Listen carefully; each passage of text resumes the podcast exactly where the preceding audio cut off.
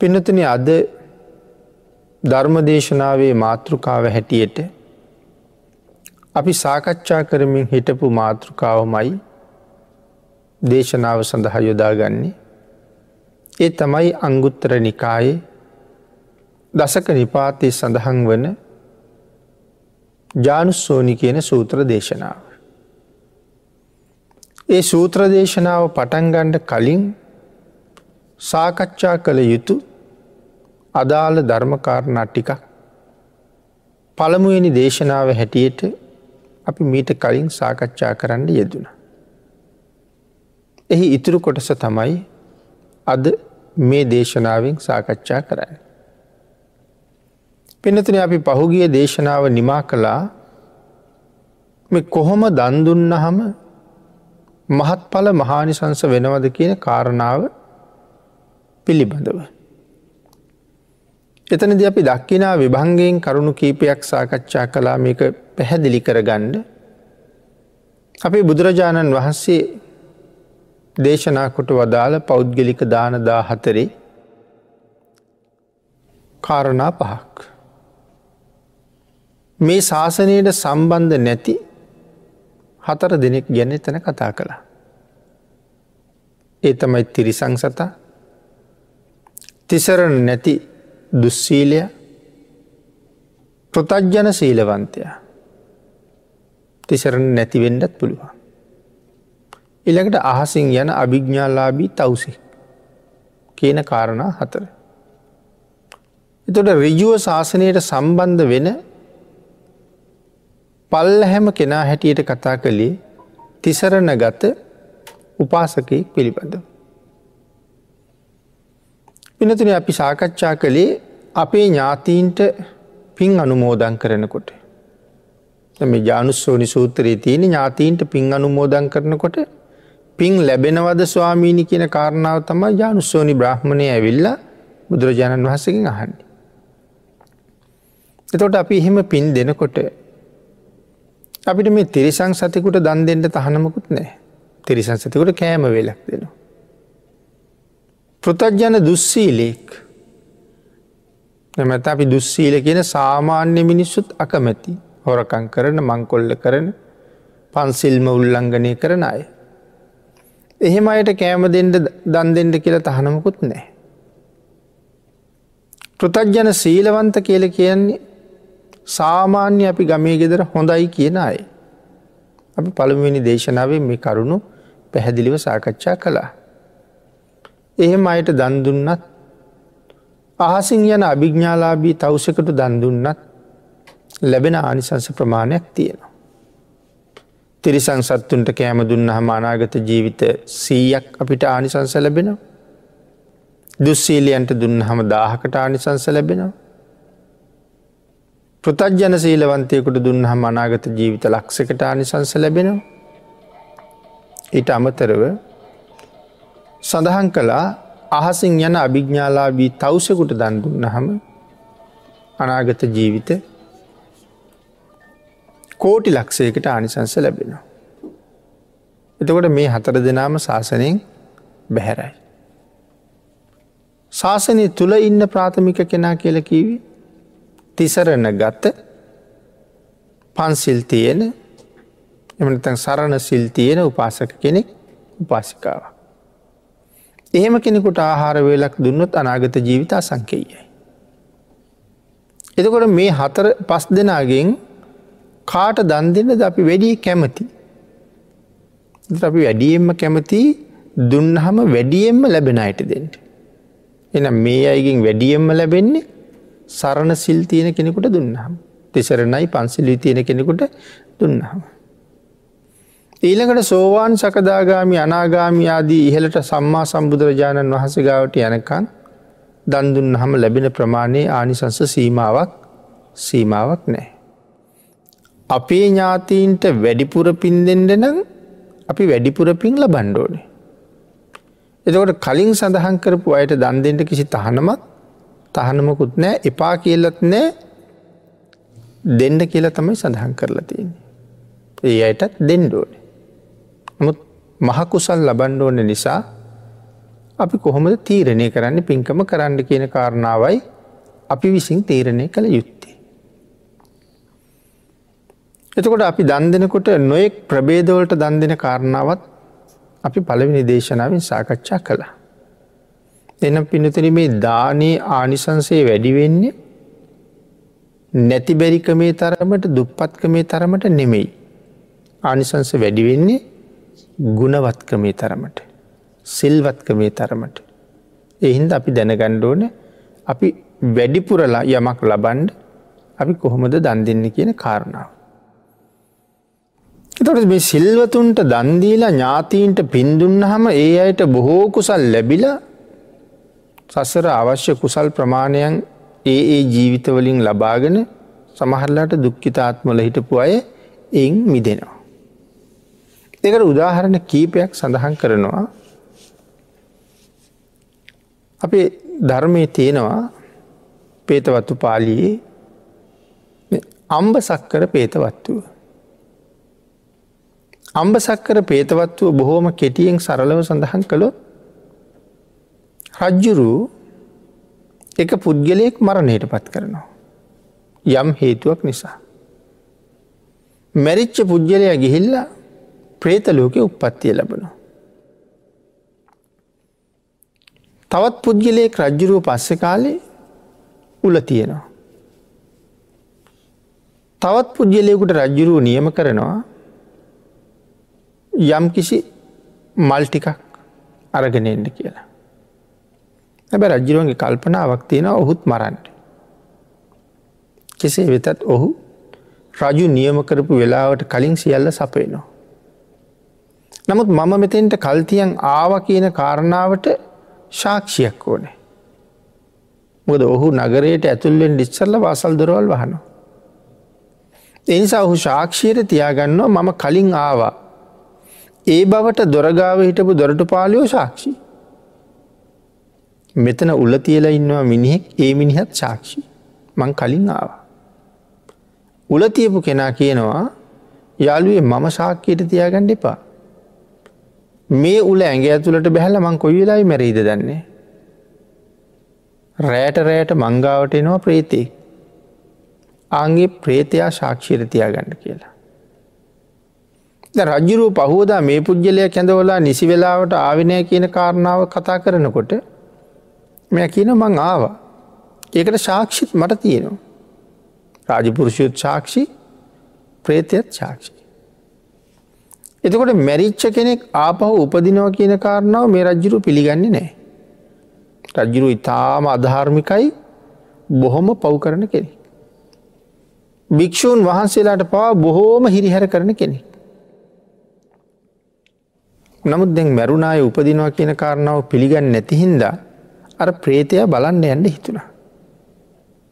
රෑට ගිය අර උල තියෙන මනුස්්‍යය ඉන්න තැනට. ටික වෙලාවක් යැනට අර ප්‍රේතිය ආව. ප්‍රේතිය ඉන්න නිර්වස්තරව. ඒක තවත් එයාගේ සංසාර කරුමයක්. රජ්ජුරුවන්ට දැක්කට පසේ දුක හිතුන කතා කරහම. රජ්ජුරු ඇඳලා ඉන්න වටිනාම සලුවක් ගලවලා රජ්ජුරු ප්‍රේතයට දුන්න ඇඳගණ්ඩ කියලා. ප්‍රේතය සඳහන් කලා මහරජය ඔහොම වස්ත්‍ර දුන්නට අපට අඳින්න බෑ.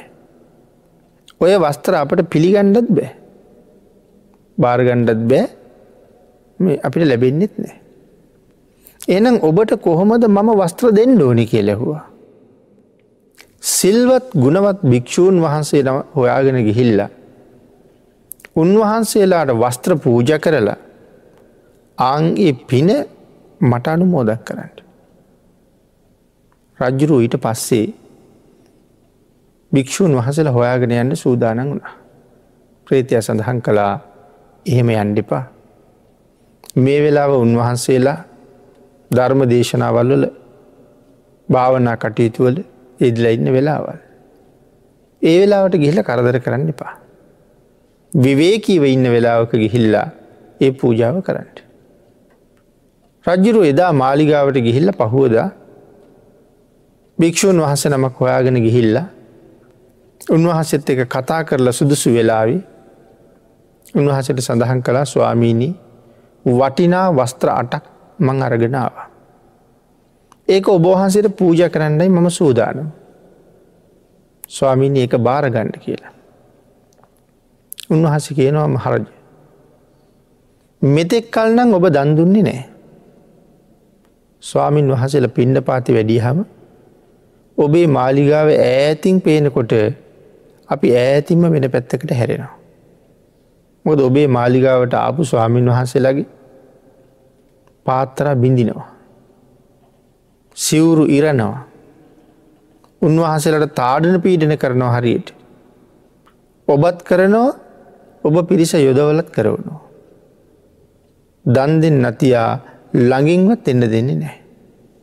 එහු ඔබ අද මේ වස්ත්‍ර සඟලවල් අටක් ගෙනල්ල පූජා කරලා කාටද පින් දෙන්න හදන්නේ. කෞුද ඔබට මෙහෙම කරන්න කියලා කීවී. යහමර ප්‍රේතයගේ සිද්ධිය ඔක්කොම රජ්ජුරු කීවා. ස්වාමීනි මට සමාවෙන්ට. මං මේ එකක්වත් දැනගෙන හිටියනෙමි.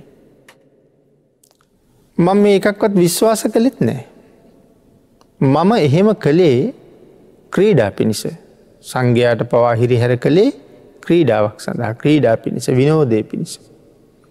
ඒත් ස්වාමීනී විනෝදය පිණිස කළත් මට පවුරැස්සෙන බව මන්දන්නවා. අනි ස්වාමීනී මේ වස්ත්‍රත් පිළිගන්ඩ. මා විසින් පින් අනුමෝදන් කළ යුතු ප්‍රේතයක්කින්නවා. ඔබහන්සේලා මේ වස්ත්‍ර පිළි අරගෙන ඒ ප්‍රේතයට පින් අනුමෝදන් කරන්නට. රජ්ජුරු ප්‍රාර්ථනාවක් කළා මටත් ස්වාමීන් වහන්සේටත් පෙනෙන්ඩ ඒ ප්‍රේතයා මෙතෙන්ට එන්ඩුවන මේ පින ලබාගෙන කියලා. වස්ත්‍ර පූජා කරලා පින්දිල ටික වෙලාවක් යනකොට ඒ ප්‍රේතයා දිව්‍යමය සලු පිළි ඇඳගෙන දිව්‍යමය ආභරණ පැළඳගෙන අජානී අශ්වයකුගේ පිටේ නැගල දිව්‍යමය ලීලාවෙන් රජ්ජුරුවන්ටත් භික්‍ෂූන් වහන්සේටත් පෙනී හිටිය. ඒ වෙලාවෙ රජ්ජුරුවන්ට ඇතිවෙච්ච සතුට මෙතකැයි කියලා නිමක් නෑ. කර්මයයි කර්මඵලයයි පිළිබඳව රජ්ජුරුවන්ට දැන් හොඳ ටෝම විශ්වාසයි. ඒ වෙලාවෙ සඳහන් කරනවා ස්වාමීනී මම මහ පව් කරලා තියෙනවා ක්‍රීඩා පිණිස. ඒ පවෙන් මිදෙන්ට ක්‍රමයක් කියන්න කියලා. උන්වහසල සඳහන් කලා මහරජය මහ පින්කං කරන්න. මහ පින්කං කර කර ජීවිතයට පින් එකතු කරගන්නඩ. කුසලයෙන් පෝසත්වෙන්ට කියලා. ඉතින් එතරින්දල රජ්ජුරුව නොයෙක් පින්කං කරලා සතරාපායට යන මග වහගෙන රජ්ජුරුව සෝවන් වුණා. දැන් අර තව පුද්ගලයෙක් උල උඩ ඉන්දවල හිටිය කියලා අපි සඳහන් කළා. වහාම රජ්ජුරුව රාජපුරුෂයෝ කැඳවල අර ප්‍රේතයාගේ උපදෙස් පරිදි උලේ ඉන්න පුද්ගලය උලෙන් අයින් කළා. අයින් කරලා උල යම්තාක් ශරීරය තුළට ඇතුල් වෙලා තුවාල වෙලා තිබුණද ඉතා දක්ෂ වෛද්‍යවරු යොදෝලා එතුවාල සනිප කෙරෙව්වා. මේ පුද්ගලය කල්පනා කලා මරණය දැක දැක හිටපු මට ආපහු සැරයක් ජීවිතය ලැබුණ. මේක සුළුපටු අවස්ථාවක් නෙමෙයි. මේ උල උඩ ඉඳගෙන දවස් කීපයක් මෙයාව පුදුම ආයාසයකින් ඉන්ඩ ඇත්ත උල ඇතුළට යන්න දෙන්නතු මොන වෙහෙසක් දරන්න ඇත්. පොදර ප්‍රේතයා විටිං විට ඇවිල්ල කියනවා යාළුවේ ඔය උල උඩ ඉන්න එක ඉතාම සැපයි. හැබැයි උඹ මැරෙන් දෙපා මැරිච්ච ගමන් උබ පායනවා. ඒ දුකට වඩා උලේ ඉන්න එක හරි සැපයි. ඒ නිසා ඉති මෙයා උල ඇතුළට යන්ඩ දෙන්නතුව කොහොම හිටියද කියන කාරණාව අපිට තේරෙන් නැති තර. ඒහින්දයි කල්පනා කරන්න. මට මේ ලැබුණ පුදුම අහඹු අවස්ථාවක්. දින ගණනක් උල උඩ ඉන්නකොට ප්‍රේතය ඇවිල්ල අනිවාරයෙන් නිරේට යනවා කියල කියනකොට මොන බයක් තියෙන් ඇද්ද ගත වෙන තප්පරයක් තප්පරයක්. හැබැයි ඉතින් පින්නතින ඒ බය උල උඩ ඉන්න මිනිහට විතර දැති වෙන්ඩෝනි. අපි උලක් උඩ නොහිටියට කෞද දන්න ඊළඟ පැය අපිට මොනව වෙයිද කියලා. තව පෑ භාගයක් යනකොට අපිට මොනව වෙයිද කියලා. අද හවස ගෙදර අයිද කියලා අපි කවුරුවත් දන්නේ. හෙට උදේ කාර්යාලයට යන්ට ලැබේද කියලා අපි කවුරුවත් දන්නේ. නමුත් මේ වෙනකොට ජීවිතයේ බොහෝ කුසල් කරලා නැත්තං අපිත් අර නිරේටම තමයි තීන්දු වෙලා තින්. අපි ඒක හිතන්නේ නමුත් අන් සියල්ල පසක තියලා උලවුඩ ඉන්න පුද්ගලට එක හොඳට වැටහුණා. ඒ හින්ද කල්පනා කළා සුළු පටු අවස්ථාවක් නෙමෙයි ලැබුණේ මේක නම් මගාරවන්ඩ බෑ කියලා. ඔහු බොහොම වීර්ය වඩල මනාව සත්පුරුෂය ඇසුරු කරලා ධර්මශ්‍රෝණය කරලා රහත් වෙලා සංසාරම කෙරවල කරගත්ත. එතට මේ කාරණාව මතක් කළේ අම්බසක්කර පේතවත්තු හරි විචිත්‍ර දීර්ඝ විස්තරයක් තියෙන්නේ. එතකොට ඒ ප්‍රේතයා ඉල්ලීමක් කළා අපිට පින් දෙනවනං සිල්වත් ගුණවත් අය හොයාගෙන ගිහිල්ල දන්දීලා අපිට පින් දෙන්න කියලා. මේක එක කාරණාවක්.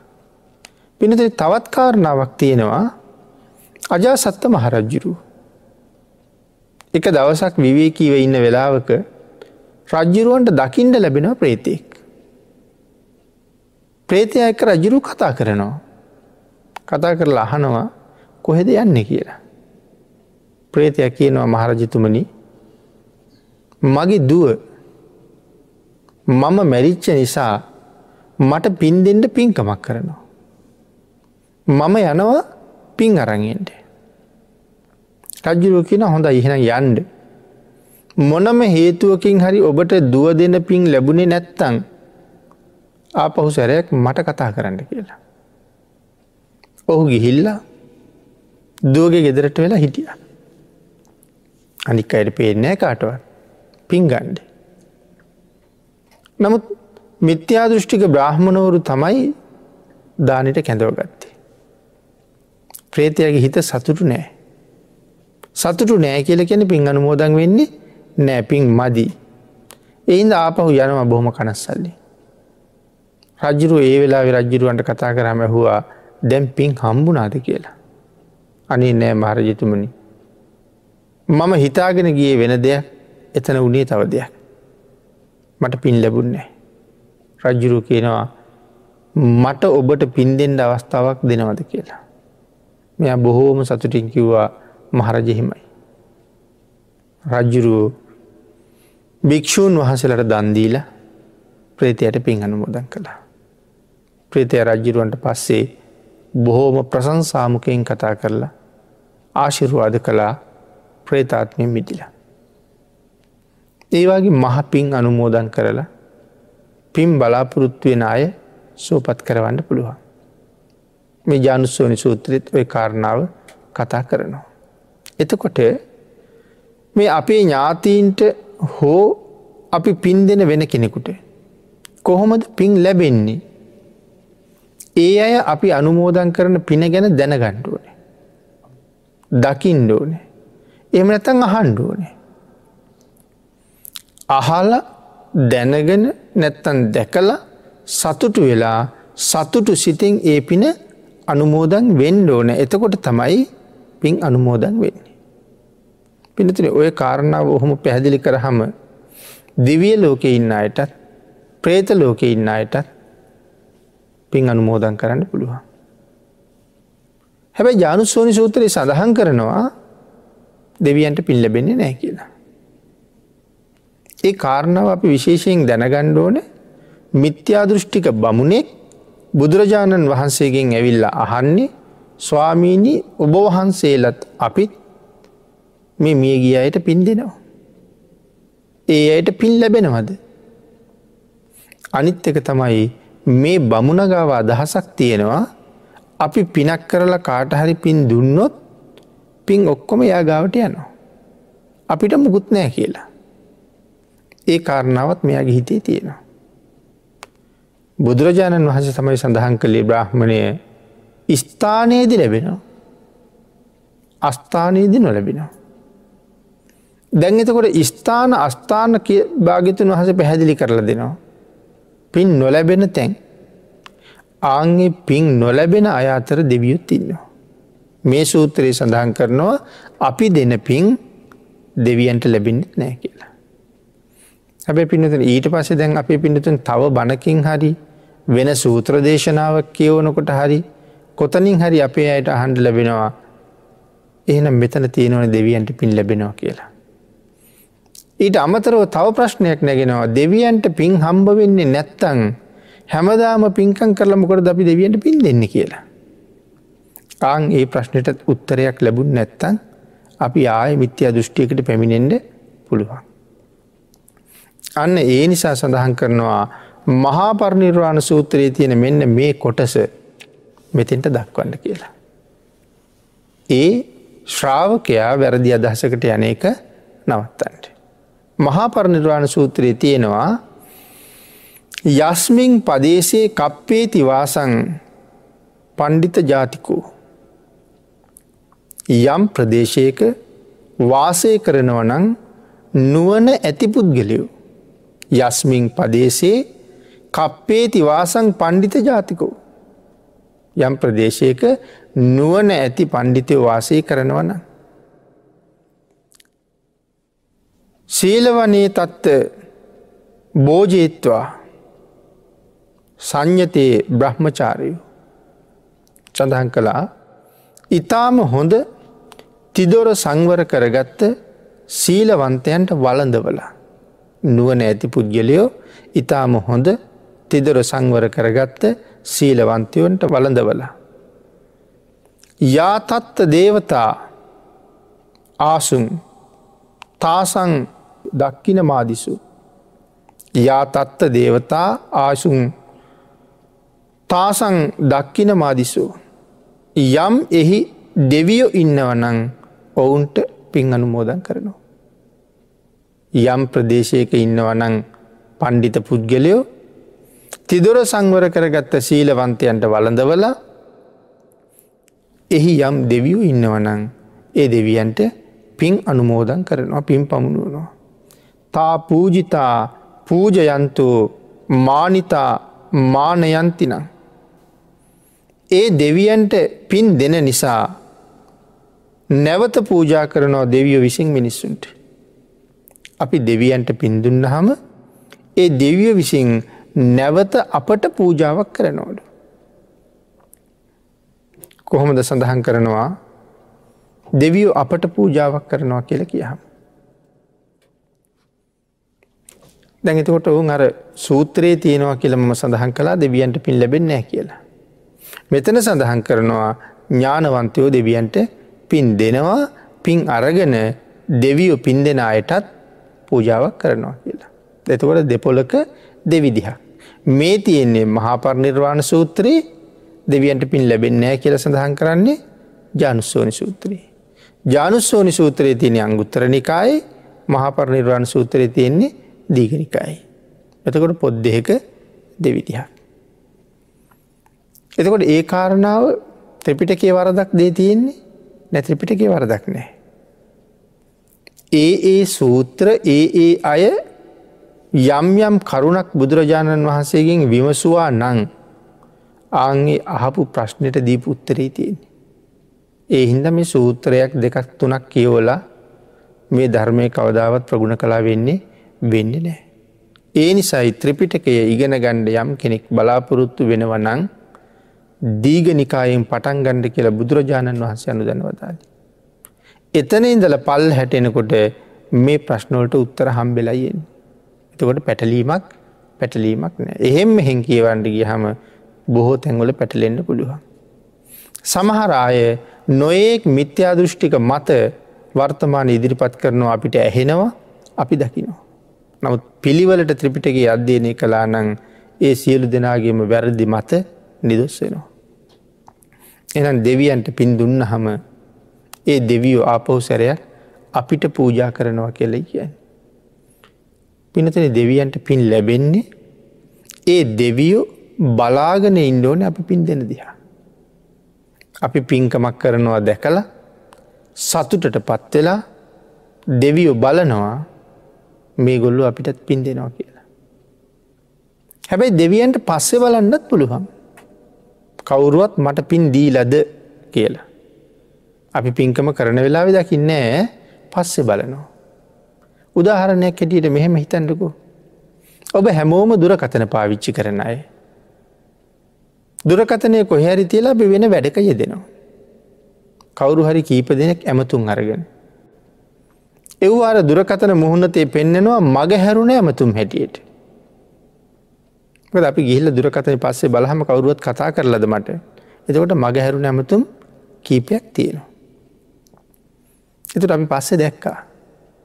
දෙවියොත් ආවර්ජනය කරනවා පස්සේ කවුරුවත් අපිට පින් දීලද. පින් දීල තියෙනවා. පස්සේ ආවර්ජනය කරලා ඒ පින් අනුමෝදන් වෙන්න පුළුවන්. කෙසේ වෙතත් අපි කරන පින්කම දෙවියෝ අනුමෝදන් වෙන්ඩ ඕනේ.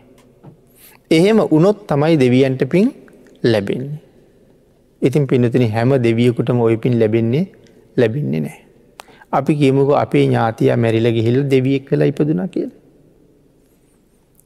සමහර වෙලාවට සක්කොළවල් සිය ගණන් ඈත උපදිනවා. සක්කොළවල් සිය ගණන් ඈත සක්වලක උපදිනවා. සක්කොළවල් ලක්ෂ ගණන් ඈත සක්කොලක දෙවියෙක් වෙලා ඉපදෙනවා. මේ බුද්ධ ශාසනය අපේ භාග්‍යතුන් වහන්සේගේ ආග්ඥා ශේෂත්‍රය පවතින සක්කොළවල් කෝටි ලක්ෂයක් එහැ පැත්ති දිවියලෝක ගිහිල්ල උපදිනවා. අපි මෙරිල්ල ගිහිල්ල. එතකොට එය දෙවියන්ට බලන්ඩ පුළුවන් සීමාවක් තියෙනවා. මහා බ්‍රහ්මයටත් බලන්ඩ පුළුවන් සක්වලවල් දාහයි. මහබමුත් දකින්නේ සක්වලවල් දහසයිනං සාමාන්‍ය දෙවීක එහෙම දකින්න ෑනි කොහොම. එතකොට අපේ ඥාතියා ඒවාගේ ඈත සක්වලක හිටියොත් අපි පින් දෙනවා කියලා යට පේනවද. එහෙම අරමුණක්වත් තියෙනවද ආං එහෙනම් පිල්ලබෙන්නේ නෑ කියන කතාවයි ජනුස්වනි සූත්‍රී කියලතින්. මොකද අපි කරන පින පේනෙත් නෑ අනුමෝදන් වෙන්න හැටියකුත් නෑ. නමුත් අපේ සක්වලේ ඉන්න ද මේ සක්වලේ ඉන්න දෙවියූ. අපි පින් කරනවා දකිනවා. සක්‍රදේවේන්ද්‍රයන් වහන්සේ බුදුරජාණන් වහන්සේ ළඟට ඇවිල්ල. වරක් සඳහන් කරනවා මේ ධර්මදානයගේ ආනිසන්සේ ගැන හලා. අනි ස්වාමීණී භික්‍ෂූන් වහන්සේල දෙනමක්. විවේක තැනක වාඩි වෙලා. උන්වහන්සේලා දෙන්න ධර්ම සාකච්ඡාවක් කර ගත්තොත්. ඒ සාකච්ඡාවෙන් පස්සේ ඒ සාකච්ඡා කරපු කුසලයත් අපිට අනුමෝදන් කරන්න කියන්ට. ස්වාමීණී යම් තැනක හතරපද ගාථාවක් දේශනා කරලා. ඔය දානි ගෙදරක වගේ පොඩි සුළු අනුශාසනාවක් කරනවන්න. ඒ අනුශාසනාව අවසානිත් අපිට පින් දෙන්න කියන්ට. එතකොට දැම් බලන්ඩ සක් දෙවිඳු ඇවිල්ල ඉල්ලීමක් කරනවා පිනට කොච්චර කැමතිද කියලා. අපි දෙන පිනට.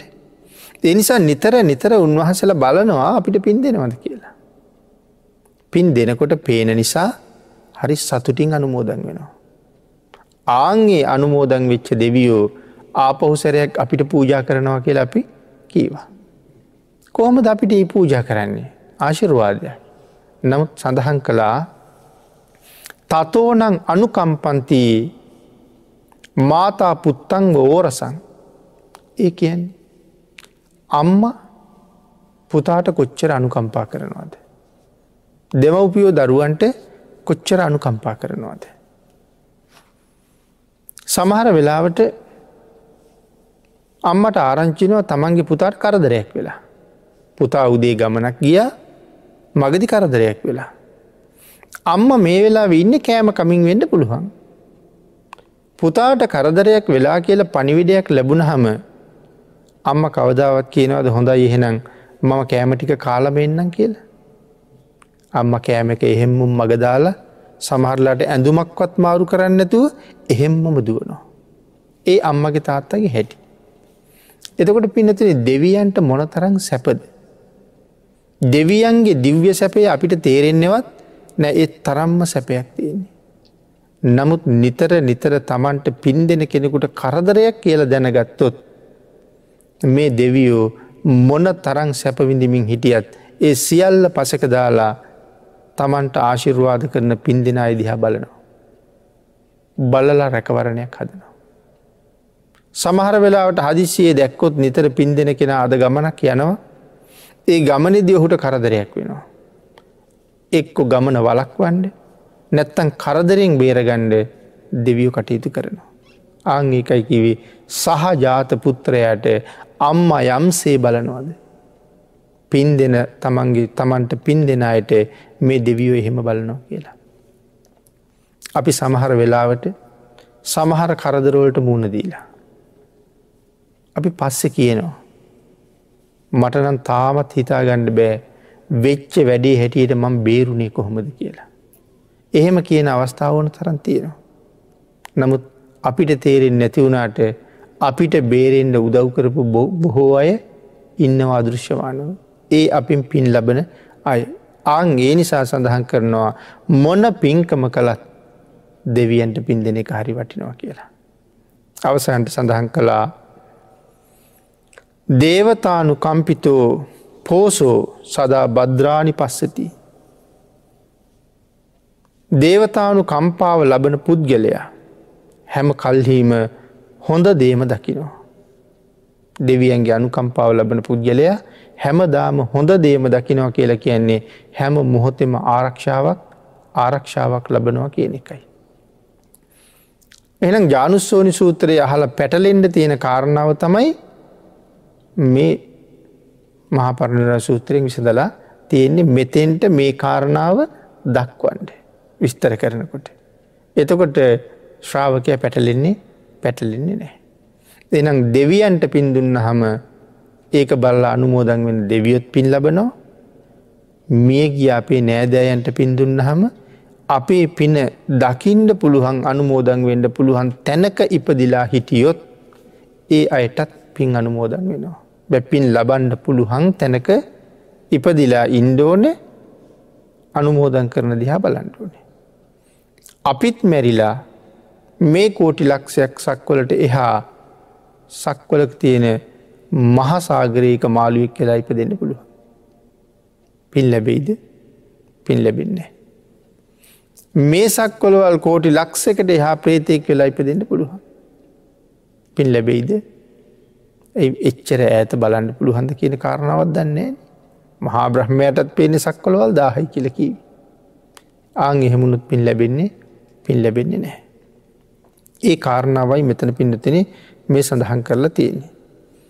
එතකොට මේ ලෝක ඉන්න හොඳම සිල්වතුන්ට දන්දීලා ඥාතීන්ට පින්දුන් හම පින් ලබන්ඩ පුළුවන් අය හරි සතුටින් මහා කුසලයක් ලබනු. පින් ලබන්ඩ පුළුවන් අය. ඒනම් ඒගොල්ලන්ට මහ පින් අනුමෝදන් කරන්න. සමහර ප්‍රේතයන්ට සමහර පින්කං කරලා පින්දුන්න හම මදි පින් මදි. තව පින් ඕනේ. නමුත් පිනතන සීමාවක් නැති පිනක් කරලා පින්දුන්හම්. මේ වෙලාවේ මේ ප්‍රේතයන්ට පින් අනුමෝදන් කරහම එගොලු ලබන්ඩ පුළුවන් තැනක බලාගෙන හිටියොත් පින් ලබනවා. ඒ නිසයි සඳහන් කළේ මහාකුසලයක් ලැබෙන විදිහටම පින් අනුමෝදන් කරන්නට. ඒක හරි වටිනවා. එතට කාටද දෙන්නේ මහාකුසලයක් ලබන්ට. තිරිසං සතිකුට පින්දීලා මහපිනක් දෙන්න පුළුවන්ද. තිරිසං සතිකුට දන්දීලා මහපිනක් අනුමෝදන් කරන්න පුළුවන්ද. දුස්සීලයකුට දන්දීල මහපිනක් අනුමෝදන් කරන්න පුළුවන්ද. පෘතජ්ජන සීලවන්තයකුට දන්දීල එහෙම මහපිනක් අනුමෝදන් කරන්න බෑ. අහසින් යන තවසකුට දන්දීලත් ඒත් මහපිනක් අනුමෝදන් කරන තරම් ලොකූ කුසලය ඊටත් වඩා ලොකුපින් ලැබෙන තැන් තව තියෙනව නං අපි එතින්ට යන එකන වටින්නේ. එමනං කෝටි ලක්ෂයක් අනාගත ජීවිතවලට පින් ලැබෙනවා ආසින් යන තවසකුට දුන්නා. තිසරණයි පන්සිලුයි තියෙන කෙනෙකුට දන්දුන්නොත් අනාගත ජීවිත අසංකීය. එතට කෞද මේ තිසරණයි පන්සිලුයි තියෙන කෙනා. එයා තමයි බෞද්ධය. එතකොට එතනින් එහාට සෝවාන් වහන්සට සකදාගාමින් වහන්සට දන්දුන්නහම සීමාවක් නෑ. ඒ නිසා වැඩි වැඩි කුසල් ලබන්ඩ නං සිල්වන්තයෝ හොය හොයම දන්දෙන්ඩුවනේ. හැබැයි ඒකින් කියන්නේ වැඩිහිටි නිවාසට අනාත නිවාසට පිළිකාරෝ හලට අසරණ ළමයිට දුප්පතුන්ට තිරිසනුන්ට කෑම දෙන්න එපා කියන එක නෙමෙයි ඒ අයට ආහාර දෙන්නත් වෙන අනුමත කරලා අනුමත කරලා තියෙනවා. අං ඒ නිසා පින්නතින මේ කාරණාවිදි විශේෂයෙන් මේ කරුණු දැනගත යුතුයි කියල පැහැදිලි කරනවා. ඊළඟට පින්ති මෙතන සඳහන් කළා තමන් ඉල්ලන්නේ නැතුවම අම්ම පුතාට යම්සේ සලකන වනං තමන්ට පින් දෙෙන අයටත් දෙවියෝ හෙම්මම සලකනවා කියලා. හැබැ එතකොට දෙවියෝ සලකන්නේ කාටද පින් දෙන අයට තමයි දෙවිය සලකන්න. ඒකෙන් පේනවා පූජාවට්ටියක් තිබ්බ කියලා දෙවිය සලකන්නේ නෑ කියලා. භාරයක් තිබ්බ කියලා දෙවිය සලකන්නේ සලකන්නේ නෑ. ඒකින් දෙවියන්ට කිසි ප්‍රයෝජනයක් නෑ. අපි තියෙන පූජාවට්ටිය තියෙන පළතුරු දිහා දෙවිය බලන්නෙත් බලන්නෙත් නෑ මොකද ඊට වඩා බොහොම උසස් ප්‍රනීත ගුණවත් ආහාර දෙවියන්ට තියෙන්. අද එක පේතවත්වෝක සඳහන් කරනවා දිව්‍යාංගනාවම ඉන්න දිවීමානයක් තියෙනවා. එකම පුරුෂ දෙවියෙක්වත් නෑ. නමුත් ඒ දිවියලෝක පිරිමි දෙවිවරු ඉන්නවනං ඒගොල්ලො කැමති. නමුත් ඒකට පිරිමි දෙවිවරු කවුරුත් නෑ. එනිසා මේ දිව්‍යාංගනාව කල්පනා කරනවා මනුස්ස ලෝකෙන් පුරුෂයෙක් හරි මේ දිවිය ලෝකෙට ගෙන්න්න ගණ්ඩ තිබුණොත් හරි හොඳයි. එතකට මනුස්ස ලෝකෙන් ගෙන්න්න ගණඩ නම් මේ ඉන්න විදිහටම පුළුහන්ද ආං ඒ නිසා එක පේත විමානයක් කියල සඳහන් කරන්නේ නමුත් දිව්‍යමය විදිහට ජීවත්වෙන අය. එනිසා එගොල්ලු අඹ ගෙඩියක් කටනවා. හිමාලි තියෙන අඹ ගෙඩියක් කඩලා ගඟට දානවා. ඒ අඹගෙඩිය පාවෙලා පාවෙලා යනු. යනකොට රජ්ජුරුවෝ නාන තැන දැලක් දාලා තියෙනවා රජ්ජුරුවන්ගේ ආරක්ෂාවට දැලී පැටලෙනවා. අඹගෙඩියක් බව දන්නවා ඉතා ලොකුයි ඒ වුණට එහෙම අඹ මනුස්ස ලෝකෙ දකිින් නැතිහින්ද ආහාරයට ගණ්ඩ බයි. නමුත් මේ අඹගෙඩිය පරීක්ෂා කරන්න ඕන කියල හිතලා. අඹගෙඩිය කපලා හිරකාරයකුට දෙනවා. කොහොමත් මරන්ඩ ඉන්න අය. වයසක හිරකාරයකුට දෙනවා. මේ අඹ කෑල්ල කෑවහම එයාගේ මූුණ රැලි වැටිල තියනෙව නැතුව යනවා. හමේ දුරුවරණ නැතුව යනවා. සුදු වෙලා තියෙන කෙස් කළු වෙනවා. අඹ කෑල්ලත් දෙකක් කනකොට අර වයසක පුද්ගලයා සම්පූර්ණ තරුණ පෙනුමකට එනවා. ඉති මේ විදිහට ඒ කාරණාව දිගට විස්තර කරනවා. එතකොට දිවියලෝක එක අඹගෙඩියක කෑල්ලක් කෑවහම වයසට ගියපු මිනිහත් තරුණයෙක් බවට පත් කරන්න පුළුවන්නන්. ඒ අඹගෙඩිය කොච්චරනං ගුණද. ඒ තරන් ගුණවත් වටිනා පළතුරු අනුභව කරන දෙවියෝ අර අපි ගෙනහිල්ල දෙන පූජාවට්ටී තියෙනවටත් කැමති වෙයිද. දෙවියෙක් නෙමේ පින්නතින. ඒවාගේ පූජාවට්ටියක් ගෙනහිල්ලා සමහරලාට රටේ ප්‍රභූවරයකුට දුන්නත්. එයා භාර ගනීදේක. පූජාවට්ටි අපි දැකල තියෙනවනි. කපාපු අන්නස් කැල්ලක් කොමටු කැලි කීපයක් උක් කැල්ලක් පරණ වෙච්ච දිවුල් ගෙඩියක් බෙලි ගෙඩියක් ඔයවාගේක් ගෙනහිල ජනාධිපතිතුමා බලන්ට යන කොට අරගෙන ගියොත් අපි ගැන පැහැදීමක් තියේද. අපේ ඥාතිවරයෙක් බලන්ඩ යනකොට එහෙම එකක් කරංගියොත් පැහැදීමක් තියේ දේගොල්ලන්ගේ. ඒගොල්ලොත් පහදින් නැත්තං මෙච්චර පින් කරලා දිවිය ලෝක ඉන්න අය පහදීද කොහොමත් පහදින්නේ. දෙවියන්ට අවශ්‍ය පින් විතරයි. ආං එහෙම පින් අනුමෝදන් කරන අයට අම්ම දරුවන්ට බලනවා වගේ විශේෂ සැලකිල්ලක් දක්වනවා කියල සඳහන් කරන්න. දෙවියන්ට අපෙන් පුද පණඩුරු මොකොවත් ඕනනේ. අපි සමහට වෙද මහත්තයෙක් ගාවට ගිහිල්ල කියනවා මේ ලෙඩේ සනීප කළොත් මෙච්චරක් දෙන්න. කඩේට ගිහිල්ල කියනවා මේ බඩු ප්‍රමාණය මට දීල බිල දෙන්න සල්ලිගවන්න. නීතිඥ මහත්තයෙක් ගවට ගිහිල්ල කියනවා මගේ නඩුව දිනවලා දෙන්න ඉල්ලන ගානක් දෙන්න. එහෙම අපි කතා කරට දෙවියන්ට ඒකකින්වත් වැඩක් වැඩක් නෑ. එනම් කිරිබත් පාත්තරයක් පූජ කරන්න පළතුරු වට්ටි දෙකක් දෙන්න පොල් ගහක් ගෙනල්ල පූජා කරන්න පොල් පැලයක් පූජ කරන්න කිවට දෙවිය කැමති විදිහෙන ඒකටවත් කැමති නෑ. සම්මා දිට්ටිකව පින්කං කරලා පින් අනුමෝදන් කරන අයට දෙවියෝ විශේෂයෙන් විශේෂයෙන් බලනවා කියන කාරණාව මෙතන සඳහන් කරලා තියෙනවා. ඊළකට පින්නතනේ මේ දෙවියන්ගේ අනුකම්පාව විශේෂයෙන් ලබන්ඩ අපි සිල්වත් ගුණවත් වෙන එකත් හරි වටිනවා. සිල්වත් අයට ගුණවත් අයට දෙවියෝ හරි කැමති. ඒ නිසා විශේෂයෙන් ශ්‍රද්ධාවන්තයන්ට දෙවියන්ගේ ආශිර්වාදය වැඩි වැඩියෙන් තියෙන. සිල්වත් අයට ශ්‍රද්ධාව කියලක හම සිල්වත් බවගෙන අමුතුවෙන් කතා කරන්න අවශ්‍ය අවශ්‍ය නෑ ශ්‍රද්ධාව තියෙන නිසා තමයි සිල් ආරක්ෂ කරලති. ඒ නිසා මෙන්න මේ ජානුස්සෝනි සූත්‍රයේ තියෙනවා දෙවියන්ට පින් ලැබෙන්නේ නෑ කියලා. අපි ඒකන කතා කළේ දෙවියන්ට පින් ලැබෙන්නේ කියලා. නමුත් අනිත් සූත්‍රවල කියල තියෙනවා එතකොට ඇයි මෙතන දෙවියන්ට පින් ලැබෙන්නේ කියලකිවී. අර බ්‍රාහ්මණය අහපු ප්‍රශ්නයට උත්තරයක් තමයි බුදුරජාණන් වහස දෙන්නේ. අස්ථානයේදි පින් ලැබෙන්නේ නෑ ස්ථානයේදි පින් ලැබෙනවා. එතන අස්ථාන හැටියට කතා කරනකොට දිවිය ලෝක ගැන කතා කරන්නෙත් අස්ථානයක් හැටියට. හේතුව තමයි අරවාගේ ඈත ඉපදිලා හිටියහම පින් ලැබෙන්නේ නෑ කියන කාරණාව. පිනතනි ධර්ම දේශනාවට අපිට තියෙන කාලයේ නිමා වෙලා තියෙන නිසා අපි මේ ධර්ම දේශනාව මෙතනින් නිමා කරලා මේ සූත්‍රයට සම්බන්ධ ඉතුරු කාරණටික තවත් ධර්ම දේශනාවකදී අපි සාකච්ඡා කරමු.